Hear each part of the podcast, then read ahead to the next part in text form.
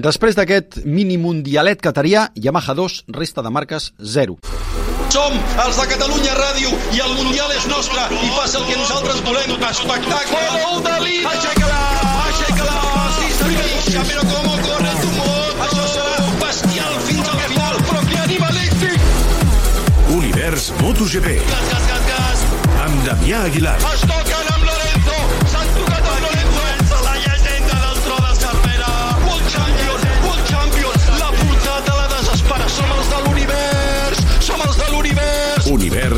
MotoGP. Hi havia dos francesos al podi, però la marsellesa només ha sonat per Fabio Quartararo.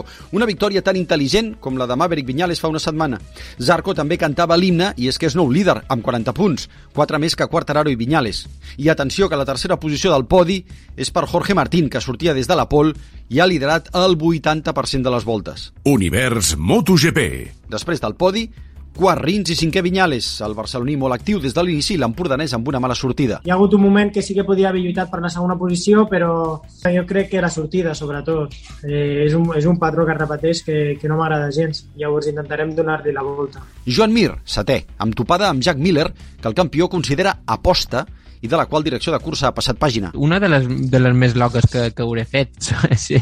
sobretot en aquell moment que, que m'he tocat amb, amb el Miller i, i això, tal, tot això eh, ho ha fet encara més loca. Escolteu aquestes dades. Top 15 més apretat de la història.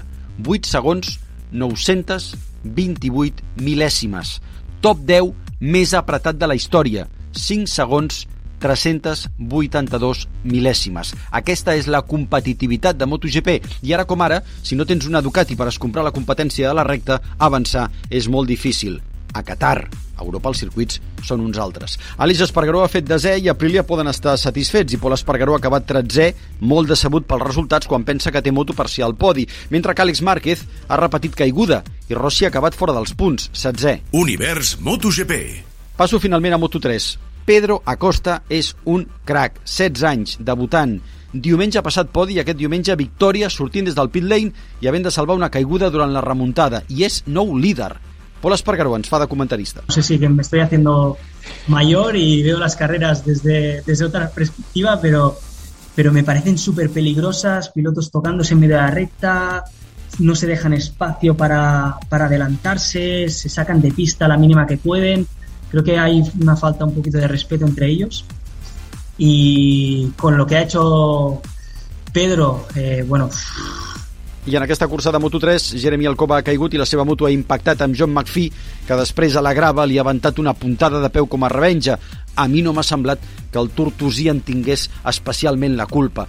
Tots dos sortiran per sanció des del pit lane a la cursa de Portugal el 18 d'abril.